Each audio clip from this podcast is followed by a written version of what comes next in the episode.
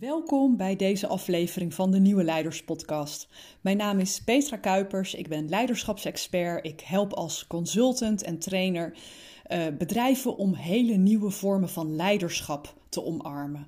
Een manier waarop meer authenticiteit, meer moeiteloosheid, maar vooral ook meer menselijkheid terugkomt in organisaties. En menselijkheid is ook een thema wat centraal staat in het gesprek wat ik vandaag heb.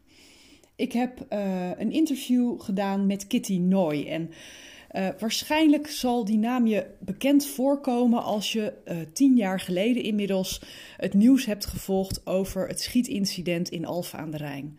Nou, dat kwam voor mij ontzettend dichtbij. Um, uh, mijn ouders die wonen uh, om de hoek van dat winkelcentrum. Ik ben daar zelf, heb ik daar een groot deel van mijn jeugd ook doorgebracht. En op het moment dat dat incident plaatsvond, kreeg ik mijn ouders telefonisch met geen mogelijkheid te pakken.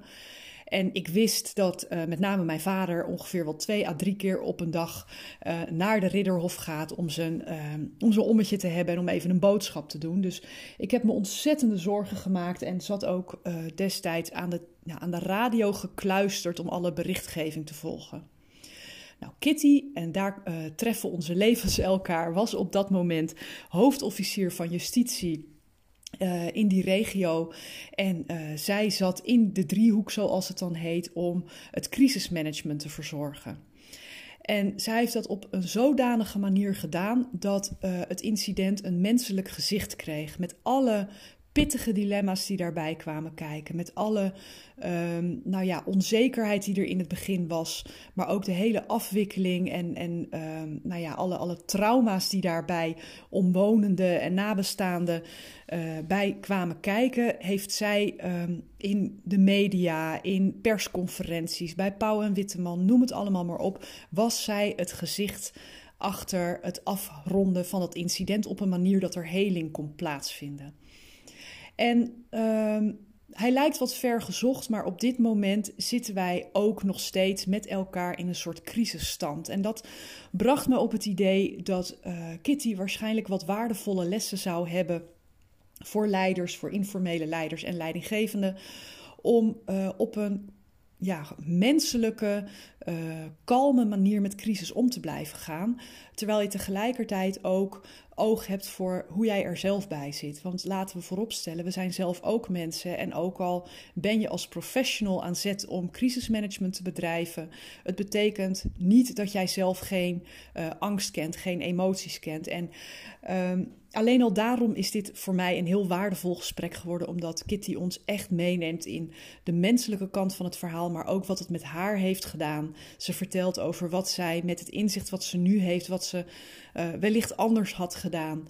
En wat er nou gebeurt op het moment dat je zo'n telefoontje krijgt dat het helemaal fout is. Ik denk dat er heel veel waardevolle lessen in zitten en ik wens je ongelooflijk veel inspiratie toe bij mijn gesprek met Kitty Noy. Welkom Kitty bij de Nieuwe Leiders Podcast. Dankjewel. Uh, voordat we zo de inhoud induiken, want ik wil natuurlijk heel graag met je uh, spreken over crisiscommunicatie en hoe je als leider je nu staande houdt in een crisis en hoe je dat een beetje kan, kan managen. Maar kan je eerst eens iets vertellen over waar jij vandaan komt? En, en nou ja, jouw loopbaan heeft wel wat bijzondere wendingen gehad. Kan je daar iets over vertellen?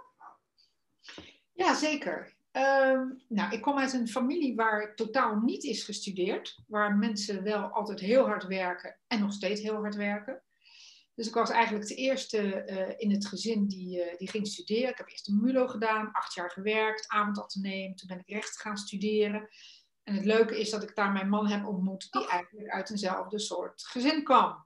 Ook geen familie waar werd gestudeerd, een soort van toeval of niet. We hebben elkaar leren kennen toen we recht studeerden. Hoe oud was je toen je ging studeren dan?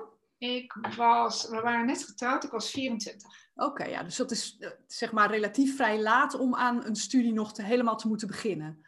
Ja, zeker. zeker. Ja. Um, en nou, nogmaals, daar hebben we elkaar leren kennen. Mijn man is fiscalist geworden. Um, ik vond het strafrecht ongelooflijk interessant. En ik heb het geluk gehad en het genoegen gehad om een opleiding te mogen volgen tot officier van justitie. Ja. En dat heb ik uiteindelijk 37 jaar lang gedaan. Zo. Uh, eerste 20 jaar heb ik het prachtige vak mogen uitoefenen in de zin van um, ja, ik heb de neiging om te zeggen boeven vangen, maar dat, ik heb het nu toch gezegd. Uh, maar dat is wel wat je, wat je in feite doet. Hè? Maar laat ik het nu zeggen zoals je het hoort te zeggen. Um, verdachten uh, oppakken, uh, vervolgen en kijken of ze ook inderdaad hebben gedaan waarvan je, ze, uh, waarvan je ze op dat moment verdenkt. Dat is echt een prachtig vak. En waarom is dat een prachtig vak? Omdat als een strafbaar feit is gepleegd, er zijn altijd mensen die benadeeld zijn. En ik, ik merk, en daar heb ik natuurlijk ook wel een beetje de leeftijd voor, dat het aspect rechtvaardigheid bij mij heel zwaarwegend is. En dat maakt ook dat, uh, ja, dat, dat, dat dat een fantastisch vak is. De laatste 15 tot 17 jaar heb ik, zoals dat heet, in het management gezeten. Dat is ook heel erg interessant, leiderschap. Apart vak, toch wel, vind ik. Ja. En uh, nou ja, twee jaar geleden ben ik uh, begonnen als uh, ondernemer. En uh, ik hou me nu bezig samen met een paar mensen met ethisch leiderschap. Omdat we dat een aantal jaren bij het Openbaar Ministerie hebben gemist. Mm Er is ook een, een, professioneel onderzoek op geweest. En dat heeft me zo geraakt dat ik dacht, daar, uh, daar moet ik iets mee. Maar daar komen we denk ik een andere keer over. Daar komen we later over te spreken. Maar het is natuurlijk wel, uh, er zit een soort lijn in. Hè? Wat, wat sprak jou nou aan toen jij 24 was en dacht, ik ga rechten studeren? Want ja, als je dan nog moet beginnen aan een studie, had je alles kunnen kiezen. En jij dacht, nee, rechten, dat moet het zijn.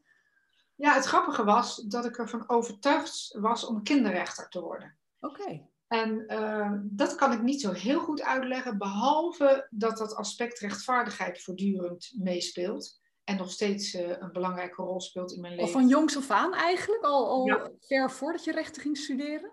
Ja. Oké. Okay. En um, dat voert wel heel erg ver, maar ik denk dat dat te maken heeft met het feit dat ik al op vrij jonge leeftijd ervaarde dat uh, het verhaal dat mensen alle kansen hebben. Hè? Uh, dus wat in Amerika zo sterk speelt. Je kan van een dubbeltje altijd een kwartje worden. Dat ik vrij vlot doorhad dat dat gewoon niet waar was. Ja. En ik heb dan zelf het geluk gehad, natuurlijk. Ik heb doorzettingsvermogen enzovoort enzovoort. Maar het is ook voor een deel geluk. Maar ik merkte al vrij vlot dat, um, dat mensen in wat minder gelukkige omstandigheden vaak hulp en steun nodig hebben. En dat je daar veel meer voor moet en kan betekenen uh, dan je op het eerste gezicht zou denken. Ja, en, en dan toch hè, heb je wel een wonderlijke zwaai gemaakt. Want dat rechtvaardigheidsgevoel, dat zou bijna rechtshulpachtig kunnen zijn, zeg maar. En toch ben je dan richting het strafrecht gegaan. Ja, de, toen ik uh, strafrecht kreeg tijdens mijn studie, was ik absoluut verloren. Ik vond dat zo boeiend en zo ontzettend interessant. Er zit natuurlijk ook, laten we eerlijk zijn, een stukje hectiek in. Ja. Uh, ik, uh, ik heb ook tijdens mijn studie uh, af en toe gekeken op een rechtbank en bij de reclassering. En het is, want zo zit ik ook wel een beetje in elkaar, los van het rechtvaardigheidsaspect, vind ik hectiek in het leven ook wel belangrijk. En uh, nou, dat is ook wel gebleken als officier. Uh, je, bent, je bent behoorlijk actief. En natuurlijk zijn er wel wat dagen waarin je rustig in dossiers kan kijken. Maar in het algemeen um, nou, is het behoorlijk hectisch en zit je behoorlijk in je, in je adrenaline. Ja, wat, wat heb je nodig om dat 37 jaar dat vak te kunnen doen? Wat, wat voor mens moet je daarvoor zijn? Wat voor leiderschap moet je daarvoor in jezelf vinden? Want het zijn ook ingrijpende zaken. Ik, kan me ook voorstellen dat je niet helemaal in je koude kleren gaat zitten. En daar gaan we zo meteen natuurlijk nog een bruggetje naar maken. Maar wat doet dat? Wat vraagt dat? Ja, um, ik denk wel dat je mensenmens moet zijn. Ik denk dat je uh, van mensen moet houden. Omdat je, um, vind ik, om een goede officier, en dat geldt ook voor rechters, maar ja, dat geldt natuurlijk ook voor advocaten, je moet wel empathisch zijn. Dus je moet je kunnen inleven in wat mensen meemaken. Niet alleen als ze slachtoffer zijn van een vervelend misdrijf, maar tegelijkertijd ook, en dat vond ik ook zo fascinerend, je moet je ook kunnen inleven in de verdachte. Ja. Want de ene verdachte is de andere niet.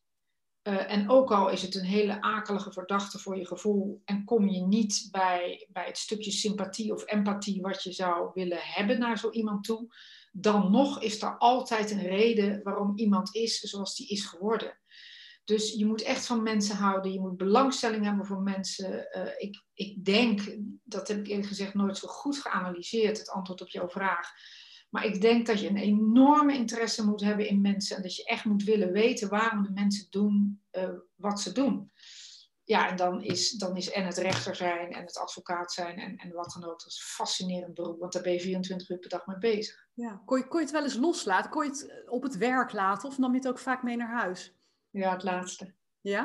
Ik heb het heel erg mee naar huis genomen. Ja, ja. Nee, dat, en dat is, dat is minder heftig uh, dan je zou denken. Uh, ik heb wel ervoor gezorgd dat er perioden waren, een week of twee, drie, uh, dat het uit mijn gedachten moest zijn in de zin van dat je op vakantie ging. Dat was dan niet altijd het geval. Dat hing ook wel een klein beetje af van, van de zaken waar je, waar je mee bezig was. Wat ook helpt is kinderen krijgen. Ja, wat relativeert alles. dat relativeert alles. Uh, dus dat hielp ook wel. Maar het is wel een prachtig vak. En vooral ook een vak uh, wat bijna 24 uur per dag aandacht vraagt. En waar ik het nu nog aan merk, is dat ik, dat is eigenlijk wel een beetje lachwekkend, maar ook wel uh, grappig. Uh, ik kan mijn telefoon nog steeds niet loslaten. Dus ik ben al heel lang geen officier meer. Maar die telefoon en mijn man en mijn kinderen moeten daar heel hard om lachen. Die moet gewoon nog steeds in de buurt zijn. Dus dat is een soort tik, tussen aanhalingstekens, die ja. ik aan het overhouden. Maar dat is ook prima, weet je. Dat is ook je bent eens bang geweest in al die tijd, want je had natuurlijk met hele verschillende mensen te maken, maar vaak ook met onvoorspelbare mensen. Heb je, heb je daar wel eens last van gehad? Ja, ik ben één keer, um, één keer ben ik uh, uh, één minuut heel bang geweest. Zal ik even heel kort uitleggen. Ik ben, uh, ons gezin is één keer bedreigd geweest naar aanleiding van een uh, hele stevige zaak waarin ik uh, twee keer levenslang heb moeten eisen. Dus dat de mensen en de familie boos waren, dat kon ik heel, begrijp, heel goed begrijpen.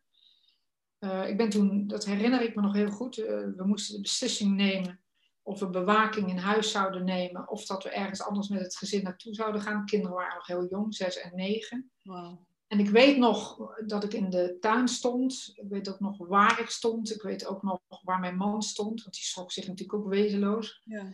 En daar is één minuut dat ik gedacht heb: hoe heb ik het in mijn hoofd gehaald om officier van justitie te worden?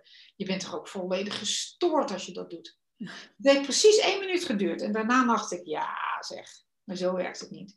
Ze gaan mij er niet onder krijgen. Gaat niet gebeuren. Nee. Dat, is, dat is dus één minuut geweest. Ja, en voor de rest ik heb ook uh, um, met een zekere regelmaat bij, bij, verdachten in de cel gezeten, omdat ze me dat vroegen en omdat ik ook een verdachte dolgraag wil begrijpen. Um, en dan vroegen mensen wel eens aan je voor de dan niet eng? Nou, nee, eigenlijk niet. Nee. Dus het valt wel mee. En hoe kijk je daar dan naar? Hè? Want een, een officier wordt toch vaak gezien als de tegenstander van de verdachte, zeg maar. Maar als ik jou zo hoor praten, dan hoor ik daar veel meer compassie in dan dat je mag verwachten van een tegenstander. Hoe, hoe, hoe zit die balans wat jou betreft?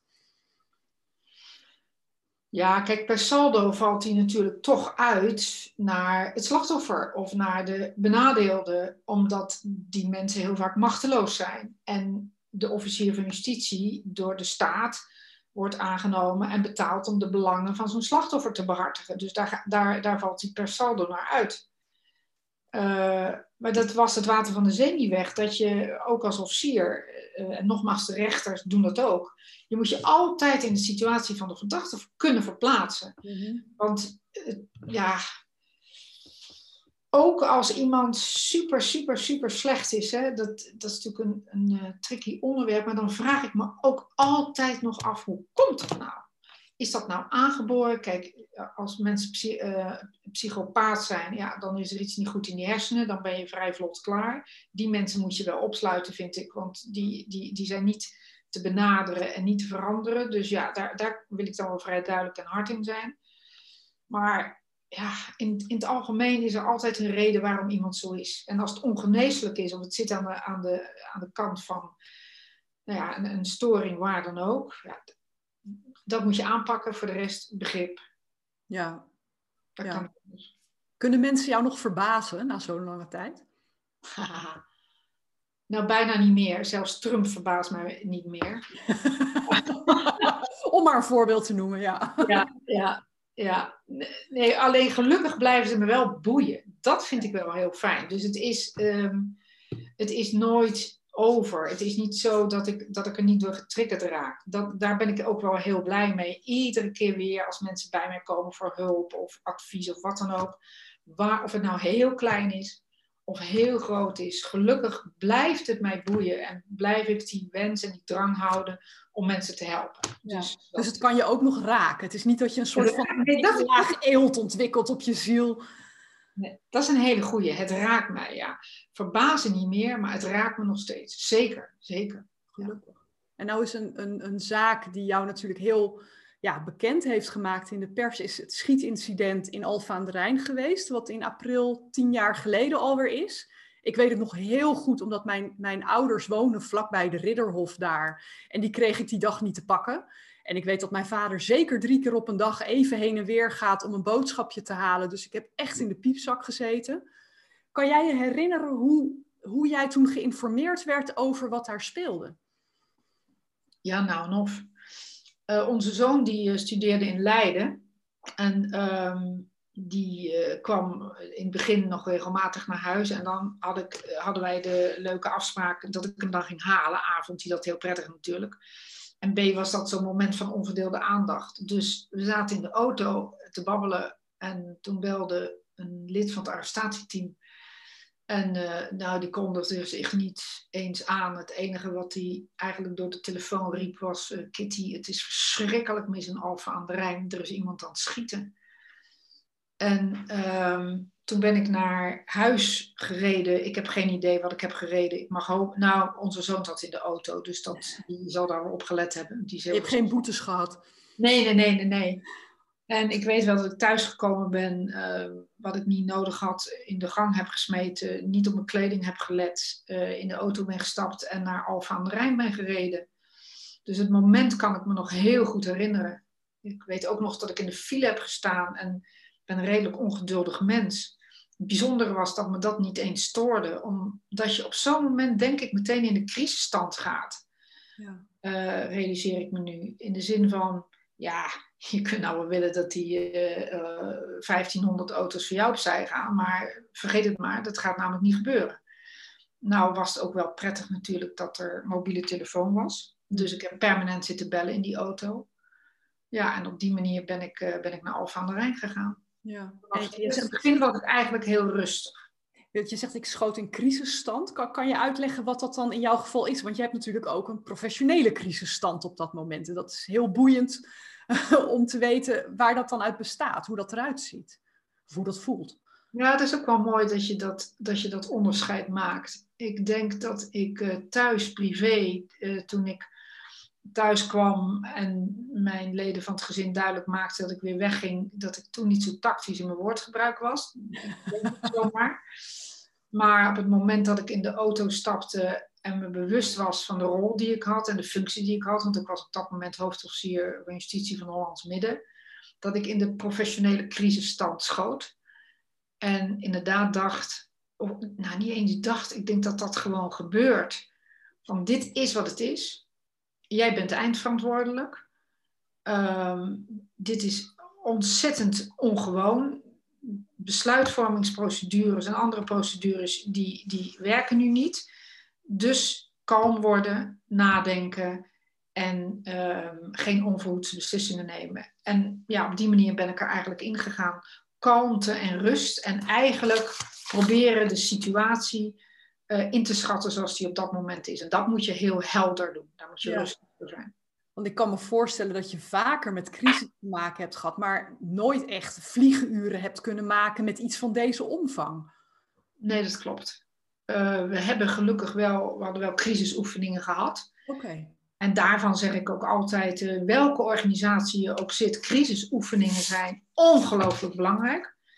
Maar uh, reken je niet rijk, want er is geen enkele crisisoefening die jou voorbereidt op de crisis waar je vervolgens in loopt. Dus dat, dat kijk, wat er zo'n belangrijk, dat intrigeert me wel, wat er zo'n belangrijk is aan zo'n crisisoefening, is dat je je, je ketenpartners leert kennen. Dat je de mensen leert kennen met wie je eh, samenwerkt.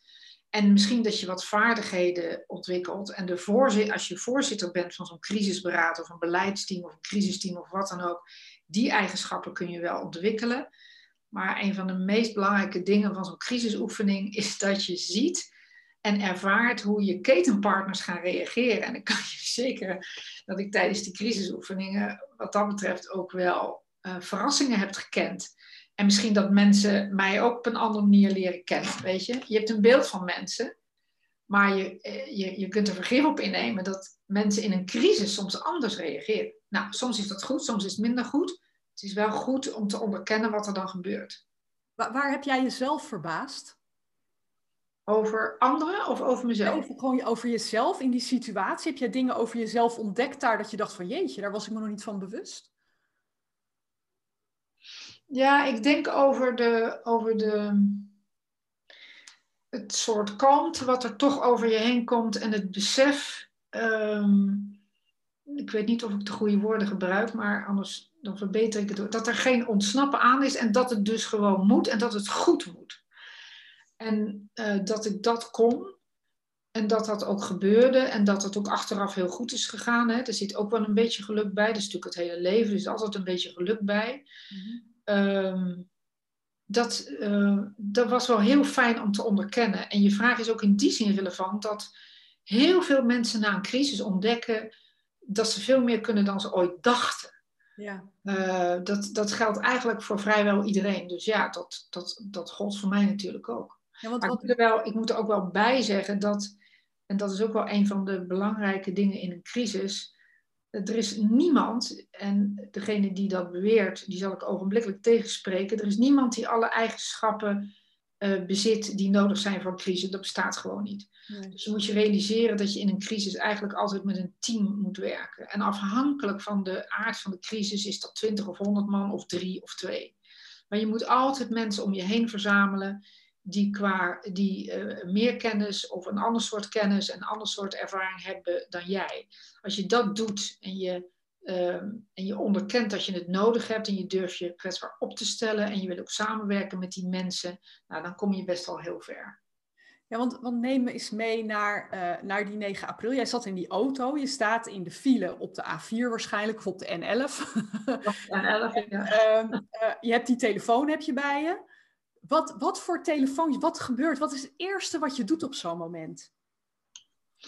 Nou, we gingen natuurlijk naar het beleidsteam en het crisisteam wat uh, gevestigd was in Stadhuizen Alphen aan de Rijn. En daar uh, kwam de driehoek bij elkaar, dus de waarnemend burgemeester Bas Eenhoorn en de toenmalig politiechef Jan Stikvoort. Um, dus je rijdt daar naartoe en wat overigens fantastisch is, is dat er dan een enorme hoeveelheid mensen is die, uh, die dan alles al voor je in werking hebben gesteld. Ik had natuurlijk een vertraging, dus ik kwam daar aan in Alphen aan de Rijn op dat stadhuis. En daar waren mensen die in, ook in een soort mooie beheersing uh, een, een, zo'n bord hadden uh, laten werken met alle, ja, ik weet niet precies hoe dat heet, ik ben niet van die generatie. Maar um, waarin alles per minuut werd geregistreerd, welke beslissingen moesten worden genomen, communicatie was komen opdragen. Fantastisch om te zien wat er dan gebeurt. Nou ja, wat wij hadden te doen op dat moment was dat uh, we gingen in dat beleidsteam zitten. En uh, in het crisisteam, ik denk dat dat een beter woord is. Uh, Eenhoorn, de waarnemend burgemeester, die was op dat moment voorzitter. Ja, en we moesten in een razend tempo beslissen wat er moest gebeuren. Dus het eerste wat ik er net al zei, is de situatie onderkennen en goed zicht krijgen op wat er aan de hand is. Dat duidelijk maken, dat inkaderen, dat framen en op basis daarvan beslissingen nemen. En kan je, kan je dat eens toelichten? Het, uh, uh, kaderen en framen, hoe, hoe doe je dat? Want het is natuurlijk, je, je weet dat je naar buiten moet. Er zitten mensen te wachten, er zijn mensen ontzettend bang, ongerust, uh, noem het allemaal maar op.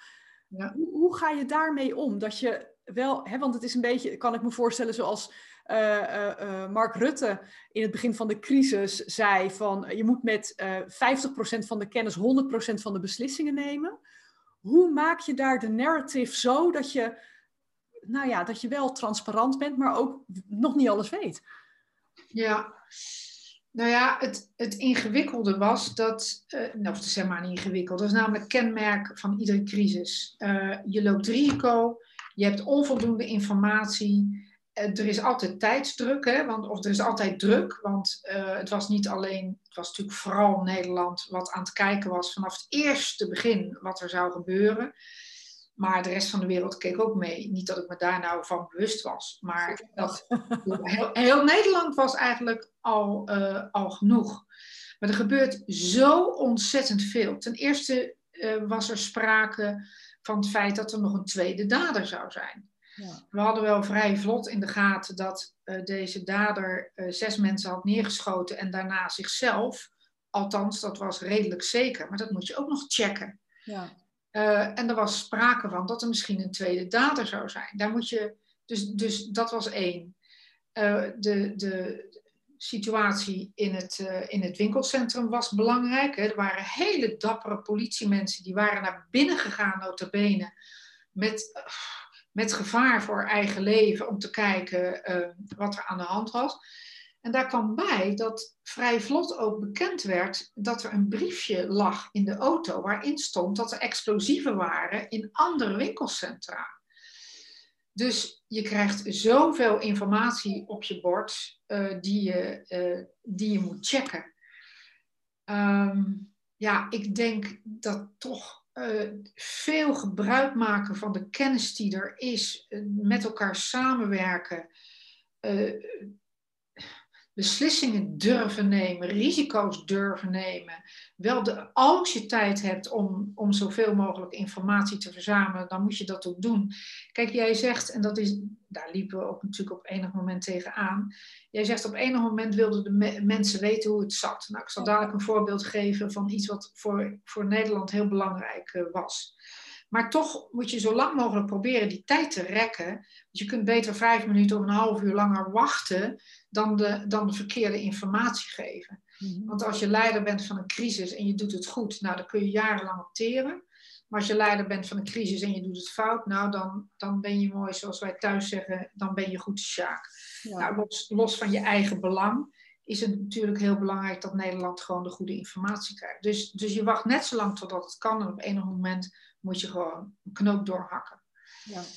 Uh, een mooi voorbeeld daarvan is, uh, een, ja, ik heb nog vorige week, want ik heb nog even een voorlichter gebeld, toch over Alphen, om nog wat andere informatie erbij te krijgen. In de zin van, wat, wat uh, is mij minder op het netvlies gebleven. Kijk, het Openbaar Ministerie is, um, geeft, niet, geeft geen namen vrij van verdachten. En dat is terecht, want je, bent, je geeft pas namen vrij als de rechter heeft besloten dat iemand een strafbaar feit heeft gepleegd. Dus uh, er was een dader, die heeft zes mensen neergeschoten, die heeft 17 mensen verwond. Um, en uiteindelijk werd de roep om de naam van die dader, die kwam eigenlijk van begin af aan. Ja. En die druk die werd alsmaar groter en groter. En uh, ik zat met het enorme dilemma dat het Openbaar Ministerie dat gewoon niet doet. Dat doe je gewoon niet. Nee. Zolang er niet een grondig opsporingsonderzoek is geweest en zolang we niet met z'n allen grondig hebben onderzocht wat er is gebeurd, ga je niet naar buiten brengen wie het is. Werd jij persoonlijk daar onder druk gezet, zeg maar, om dat vrij te geven? Nou ja, wel in, ja, maar dan wel in de functie van hoofdofficier. Ja, ja. In de zin van, luister eens, het Openbaar Ministerie is degene, dat is ook zoiets. Hè? In, de, in de driehoek heb je natuurlijk verschillende rollen. De politie, de burgemeester en het OM. Maar het is natuurlijk aan het OM om de naam van een verdachte vrij te geven. Ja. Niemand, niemand anders kon dat doen. Dus dat vond ik echt heel erg ingewikkeld. En ik vermoed ook wel dat ik daar met de hoogste baas over heb gebeld, maar wel met heel veel drang naar hem toe ook. Van joh, luister, um, het bestaat nu gewoon niet dat wij het niet doen. En dan gaan we maar tegen alle regels in. Maar, en het ging er ook niet zozeer om dat, dat de, de naam van deze persoon, dat, dat, ja, hoe moet ik dat nou zeggen? Uh, dat hij moest hangen, dat is een afschuwelijk uh, term, maar dan weet je precies wat ik bedoel. We wilden anderen uitsluiten. Ja, hij moet gewoon krijgen, zoiets, ja. Ja, je wilt gewoon duidelijkheid geven. En ik heb begrepen, en nou, dat vond ik op zichzelf wel heel fijn, ik heb me dat zelf nooit gerealiseerd, dat dat een soort, toch wel um, een beetje een kantelpunt is geweest in, in de communicatie daarna van TOM, dat we wat vlotter, en we waren heel terughoudend en terecht, maar dat het OM toch wel wat vlotter met informatie naar buiten is gekomen dan, uh, dan daarvoor. Dus dat was een moeilijk moment. Ja. Maar dat is dan intuïtie en ook empathie voor en ook inlevingsvermogen. Uh, het bestaat niet dat we dat nu niet gaan zeggen. Dat kan niet. Wat, wat voor rol speelt intuïtie sowieso in zo'n crisissituatie? Was je je daarvan bewust dat, dat het je hoofd en je buik samen zijn? Of is het vooral hoofd en af en toe komt die buik er doorheen? Nee, dat, dat is eigenlijk wel allebei. Ik, de mooiste definitie van ervaring, of van, uh, van intuïtie, vind ik dat intuïtie gestolde ervaring is. Dat vind ik echt een mooie, mooie term. Um, nee, dat is, dat is eigenlijk wel allebei. Het was, uh, het, het, was het, het onderbuikgevoel of het duidelijke gevoel van mensen willen dit weten en dat is volkomen terecht. En het hoofd wat nadacht, zo van ja, maar dat kan niet, want dat is tegen alle afspraken en tegen alle wetgeving in. Maar dan toch ook weer die ratio gebruiken en denken, ja, het zal allemaal wel. Maar uh, dat, ik, ik kan ook niet uitleggen dat we het niet vertellen, weet je. Hey, en als nou hè, een, een, een leider luistert, en dat kan een leidinggevende zijn of een informele leider, die te maken krijgt met een crisissituatie, wat voor advies zou je kunnen geven van waar, waar begin je en wat zijn stappen die je echt moet nemen als je daarmee geconfronteerd wordt? Ja, um, nou ja, het, het eerste zou ik toch zeggen, realiseer je, ik weet niet of ik dat nou op dat moment gedaan heb hoor, maar als je echt voor een stevige crisis komt te staan, en ik hoop dan maar dat het automatisch bij mensen gebeurt, bedenk wel even of je dat kunt in je privéleven kunt hebben. In de zin van dat als je partner op dat moment doodziek is of, of iets vergelijkbaars, realiseer je wel dat het een enorme inbreuk is op, op wat er gebeurt. Ik ben ook dagenlang van huis geweest. En dat is niet erg, maar het moet wel kunnen. Dus je, je moet in dat opzicht ook wel... Uh, ook wel je, eigenlijk de draagkracht hebt om dat op dat moment aan te kunnen. Ja, en ook draagvlak thuis. In de zin van dat mensen, en in het algemeen zal dat wel gebeuren hoor, want als je zo'n functie hebt, dan weet je achterban en, en, en, je, en je gezin of je partner of je vriend of wie dan ook wel wat je aan het doen bent. Maar het is toch wel goed om dat heel even eventjes uh, uh, te checken. Ja, dan kom je ook op de vraag: kan iedereen een leider in crisis zijn? Ja. Ja. Uh, mijn antwoord is eigenlijk nee. Okay. Ik lees heel veel over leiderschap. En uh, ik vind het ook heel interessant om te zien dat vanaf 1940 zie je hele interessante wetenschappelijke theorieën over leiderschap. En, uh, maar ik ben er inmiddels wel van overtuigd dat niet iedereen dat kan. Ik ben er wel van overtuigd dat je heel veel kunt leren. Mm-hmm. dus je moet niet eh, op voorhand zeggen: ik kan, ik kan geen leider worden of ik kan dat helemaal niet. Daar, daar ben ik het niet mee eens. En ik denk dat er in het algemeen vaak meer in mensen zit dan te denken. Ja, en dan als het gaat om leiderschap in crisis, want dat is toch een ander verhaal. Kijk, je moet sowieso, de stappen wil ik zo nog wel even doornemen, maar je moet natuurlijk sowieso besluitvaardig zijn. Je moet wel besluiten durven nemen.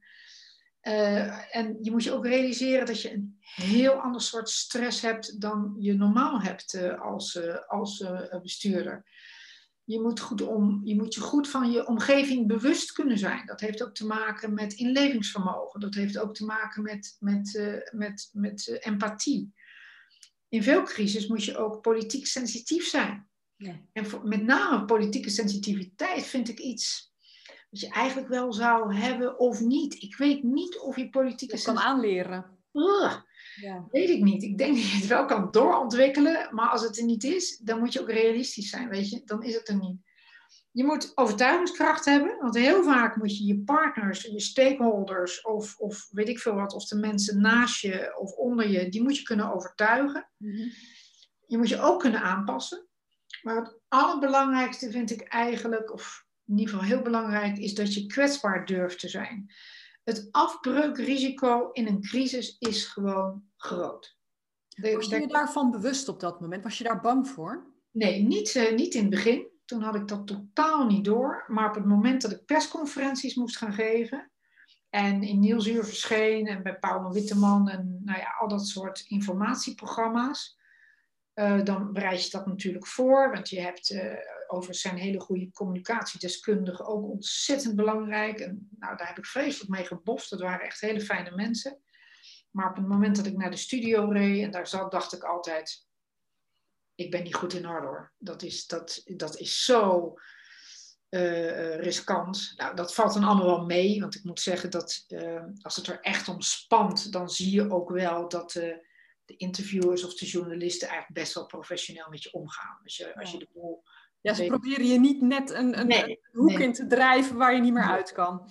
Nee, want bijvoorbeeld aan dat interview met Paul Witteman, daar heb ik nog steeds hele goede herinneringen aan. Dat vond ik echt spannend. Ja. Uh, ik weet nog dat ze ook aan mij vroegen hoe ik dat heb ervaren toen ik door het winkelcentrum liep. En ja, toch heb gezien wat de man had aangericht. En, en er waren ook filmpjes, hè, er waren van die, van die camera's in het winkelcentrum. Dus we hebben die, die opnames bekeken. Nou, als dat aan je wordt gevraagd, dan schiet de emotie natuurlijk aan alle kanten door je heen. Dat zien zij ook. Mhm. En uh, nou, daar zijn ze gewoon heel netjes mee omgegaan.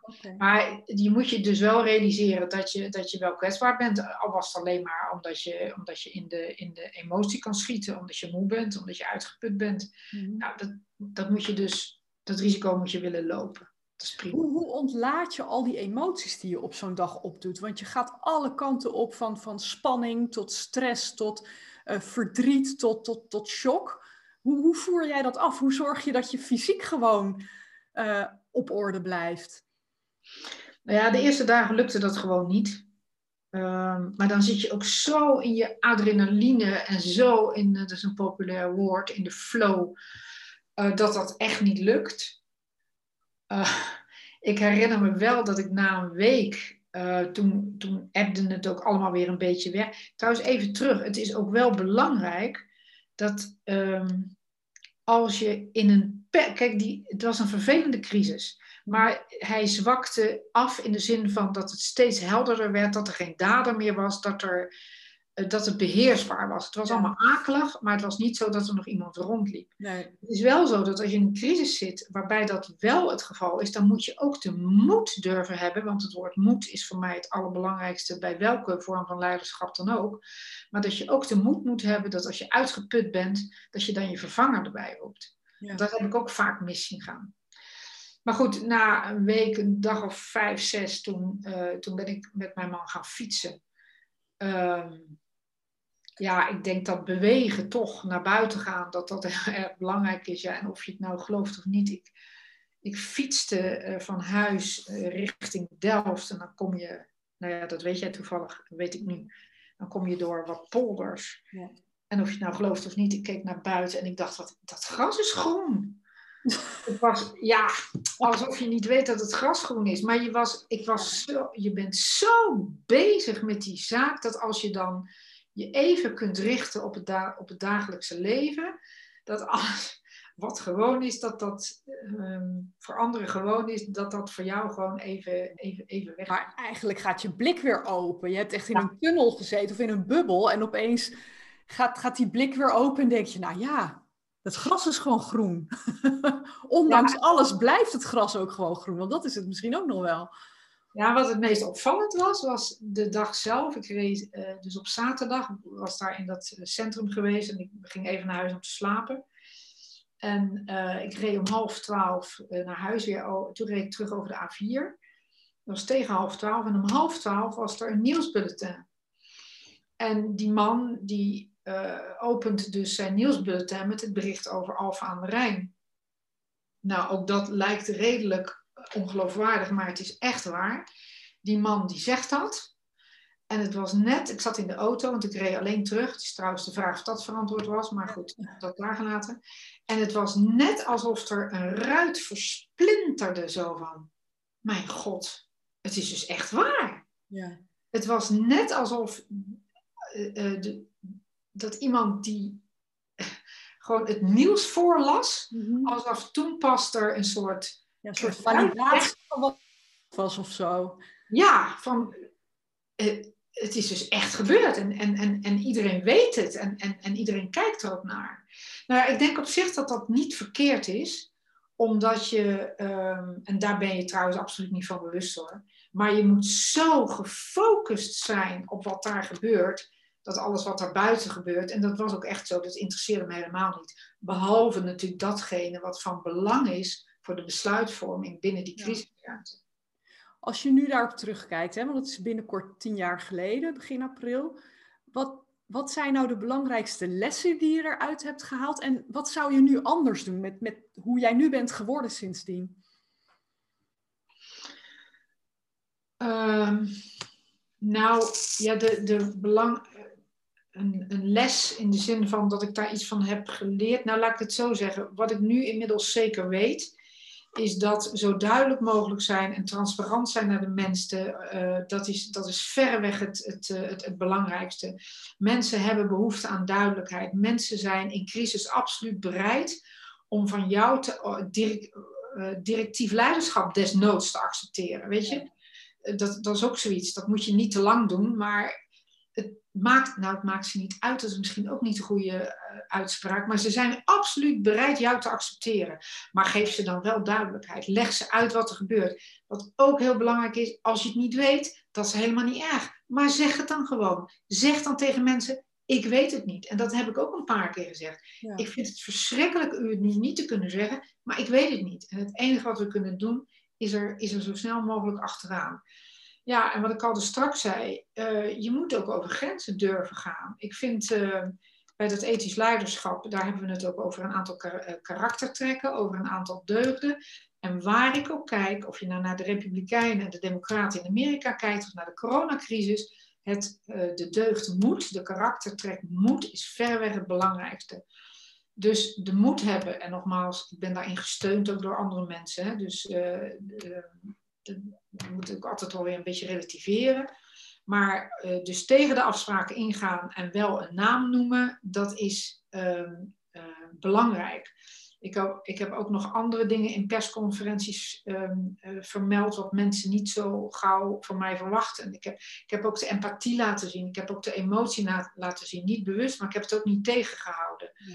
Ja, en dat, ik merk nu dat in jouw antwoord ook heel erg op het menselijke aspect zit. Ik mhm. kan natuurlijk wel jou vertellen dat het heel belangrijk is om je processen op orde te brengen en, en, en, en dat dataverzameling vreselijk belangrijk is, maar daar zijn fantastische handboeken uh, voor geschreven. Ik kijk heel erg naar het aspect mens en dat is transparant en moed. Ja. Wat zou ik anders doen? Ja, weet je, ik heb met één ding enorm geworsteld. En ik ben er eerlijk gezegd ook nog niet zo goed uit. En dat is, um, we hebben best wel ingewikkelde beslissingen moeten nemen. Op enig moment uh, waren er zes mensen neergeschoten. En de nabestaanden, en trouwens de rest van Nederland, wilden ontzettend graag dat deze mensen werden weggehaald. Mhm. Maar de politie, en met name de forensische afdeling, die wilden dat niet. En die hadden ook een groot belang. En dat was mensen later kunnen vertellen wat er precies allemaal was gebeurd. En dat belang als officier van justitie begreep ik als geen ander. Ja. Maar jeetje, wat begreep ik ook de wens van die andere mensen. Er was een gezin, ik vergeet dat nooit en dat kan me nog steeds raken. Die mensen waren uit Syrië gevlucht en die dachten dat ze in Nederland veilig waren. Ja. Die vader die werd neergeschoten op het parkeerterrein bij de, bij de Ridderhof. En die man die lag daar. Nou, daar slaap ik dus niet van. Nee. Ik heb uiteindelijk uh, de beslissing genomen, hè, want dat was ook een beslissing die, die de hoofdofficier moest nemen en niemand anders, om de mensen daar te laten liggen zolang forensische opsporing dat nodig achtte. Um, maar ik kan me ook voorstellen dat als ik dat nog een keer moet, uh, moest doen, en ons lieve heer verhoeden het, hè, alsjeblieft niet, maar dat ik daar dat ik toch dat wat korter zou hebben laten duren. Dat is echt een van de dingen die, dat, dat vond ik vreselijk. Het is echt een pervers dilemma wat je dan ook hebt. Oh, ja, ja. Dat is, ja, dat vond ik echt heel heftig. Dus dat is het enige waar, waar ik nog steeds niet zo goed uit ben. Als ik naar mijn intuïtie en naar mijn, naar mijn mensenmensgevoel uh, luister, dan denk ik, uh, Kitty had ze achteraf gezien maar eerder laten weggaan. Ja. Maar het is wat het is. Hoe, hoe heeft dat hele incident en alles in de nasleep daarvan jou veranderd als professional? Want je zei van je, je wordt zo bewust van dat je eigenlijk veel meer aan kan als mens dan dat je ooit gedacht had. Wat, waar heeft dat bij jou toe geleid? Zijn er andere deurtjes open gegaan of uh, andere, andere inzichten gekomen? Of... Nou, ik denk dat. Um Kijk, ik ben een redelijk open mens en ik kan best wel zeggen uh, wat ik van dingen denk en, en ook waar het op staat. Dat is in het verleden, toen ik jong was, ook wel eens doorgeschoten. Dus je moet dat matigen. Je moet gewoon leren wat je wel en niet kan zeggen. Maar uiteindelijk heeft het me wel uh, gebracht dat ik op moeilijke momenten als hoofdofficier of als portefeuillehouder integriteit bij het Openbaar Ministerie wel uh, sneller de moed had om dingen te benoemen. En dan met name de zaken waar de anderen helemaal niet op zaten te wachten. Het moeilijke gesprek aangaan. Ja, zeker. En weer, iedere keer weer vanuit het uh, aspect van de rechtvaardigheid.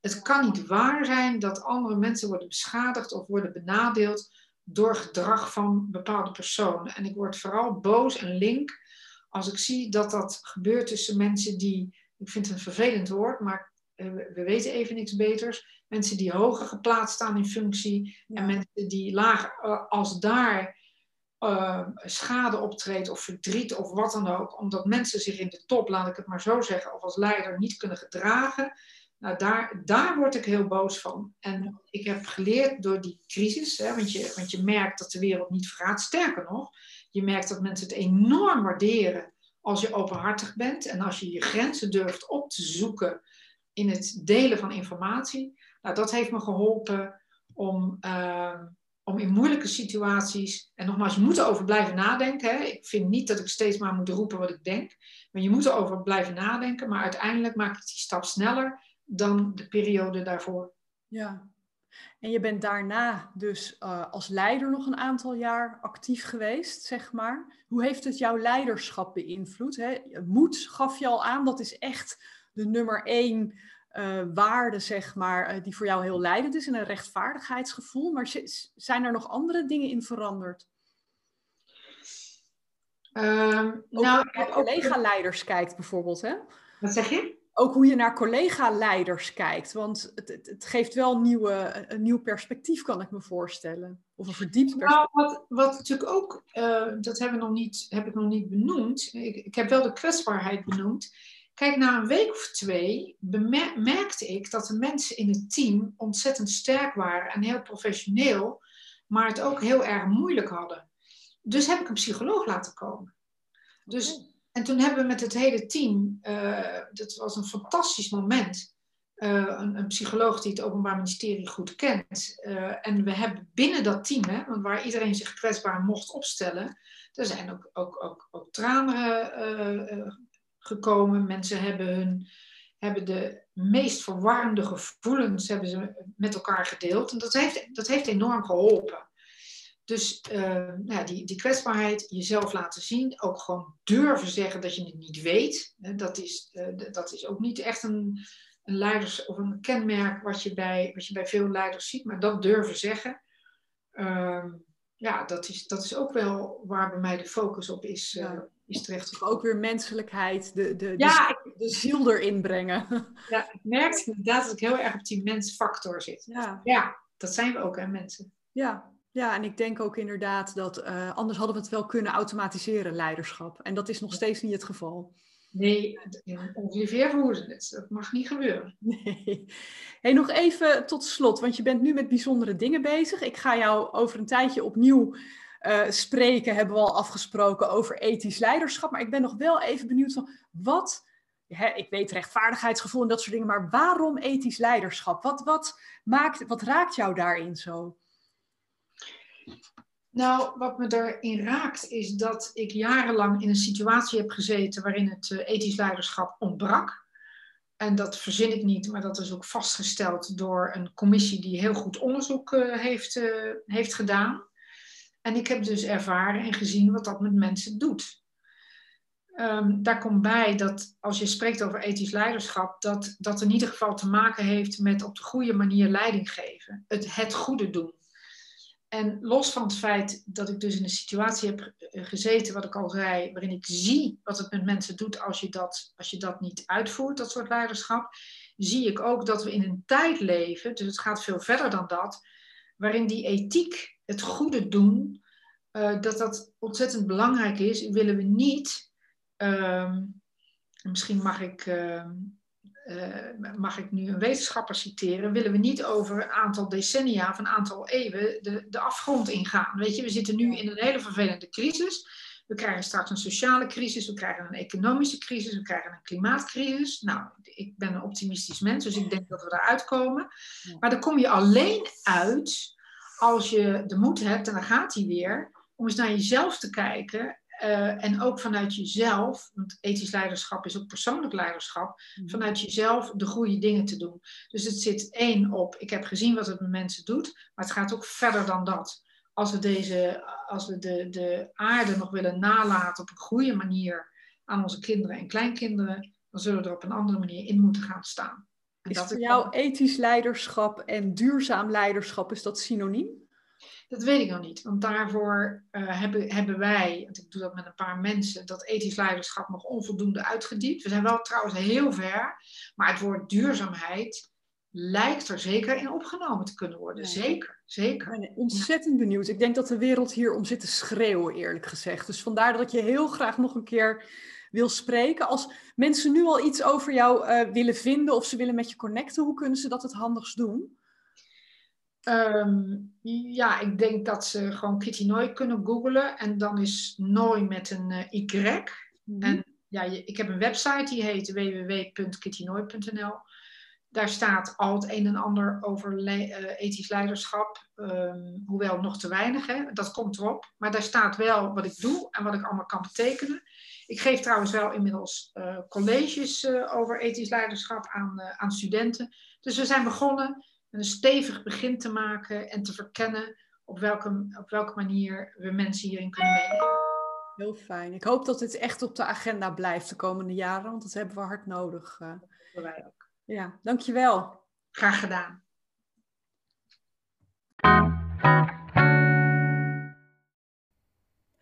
Ik hoop natuurlijk dat dit gesprek je de nodige inzichten en aanknopingspunten heeft gegeven over hoe je zelf in crisis een echte leiderschapsrol kan vervullen. Ik denk dat er een paar elementen in dit gesprek zaten die hoe dan ook, ook los van crisissituaties, heel waardevol uh, zijn. En één daarvan is wat mij betreft het belang van uh, uh, op een gegeven moment ook emoties afvoeren. Om, om te gaan bewegen, om naar buiten te gaan. Om ervoor te zorgen dat je weer zelf neutraliseert. Want ehm, je bouwt in zo'n rol natuurlijk een hele hoop spanning op. Hè? En in het begin, zoals Kitty ook vertelde, doe je dat heel erg op adrenaline. Uh, en en um, nou ja, ga je nachten door. Maar er komt een moment dat je die spanning echt even moet kanaliseren. Zodat je weer neutraal wordt en op de juiste manier kan blijven reageren. En niet vanuit spanning of stress of angst of wat dan ook. Nou, als dit waardevol voor je was, dan heb ik uh, waarschijnlijk nog wel iets interessants voor je. Want aanstaande maandag begint de vierdaagse inspirerend leiderschap. En dat is een gratis vierdaagse die ik speciaal organiseer in deze periode om leiders, en dat kunnen formele leidinggevenden zijn, maar het kunnen ook informele leiders zoals adviseurs, consultants, coördinatoren, ehm, projectleiders zijn maar om die te helpen om meer ontspannen en moeitelozer en ja, meer uh, natuurlijk eigenlijk in hun werk te gaan zitten. Ik merk namelijk op dit moment dat er zo ongelooflijk hard gewerkt wordt, terwijl er ook thuis van alles te managen is op dit moment. Dus er wordt heel veel gevraagd van mensen. En uh, leidinggevenden en andere leiders werken misschien nog wel harder dan ooit om naast het inhoudelijke werk ook iedereen betrokken en in beeld te houden. En dat is geen geringe opgave, maar er zijn um, ja, een soort natuurwetten in organisaties, in teams, in mensen zelf, die je, als je ze eenmaal kent, die je helpen om het op een wat moeitelozere en meer ontspannen manier aan te gaan pakken. Want leiderschap is. Um, uh, kan simpel zijn. Het is daarmee niet eenvoudig, laat ik dat voorop stellen. Maar met de juiste inzichten, de juiste kennis en ook de juiste tools maakt het dat je effectiever wordt zonder dat je daar meer energie tegenaan hoeft te smijten. Nou, klinkt dat interessant? We beginnen 18 januari om 9 uur en uh, de, de vier dagen op een rij zal ik elke ochtend om 9 uur beginnen met een masterclass. Als je je daarvoor aanmeldt, krijg je vervolgens ook een, een, een werkboek waarin je de, uh, het geleerde meteen kan vertalen naar jouw eigen context, zodat je er meteen in je eigen praktijk mee aan de slag kunt gaan. Het is dus eigenlijk gewoon een gratis, volwaardige training. Ehm, die je de handvatten geeft waar je meteen mee verder kan. En dat allemaal in vier dagen. Nou, kan je er een keer niet bij zijn, dan is dat geen enkel probleem. Meld je dan toch aan.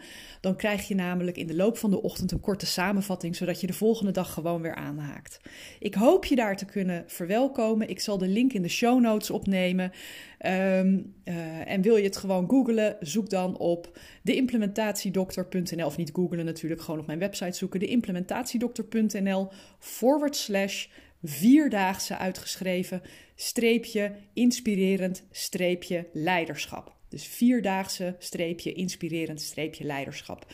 Ik zou het geweldig vinden om je daar te ontmoeten, want mijn geheime missie daarachter is om veel meer leiders nieuwe stijl in de wereld te brengen, zodat we met elkaar een beweging op gang brengen waarbij menselijkheid en resultaat veel meer hand in hand gaan dan we in de afgelopen jaren hebben gezien. Zie ik je daar? Zou ik helemaal top vinden. En ik spreek je graag volgende week bij de volgende podcast.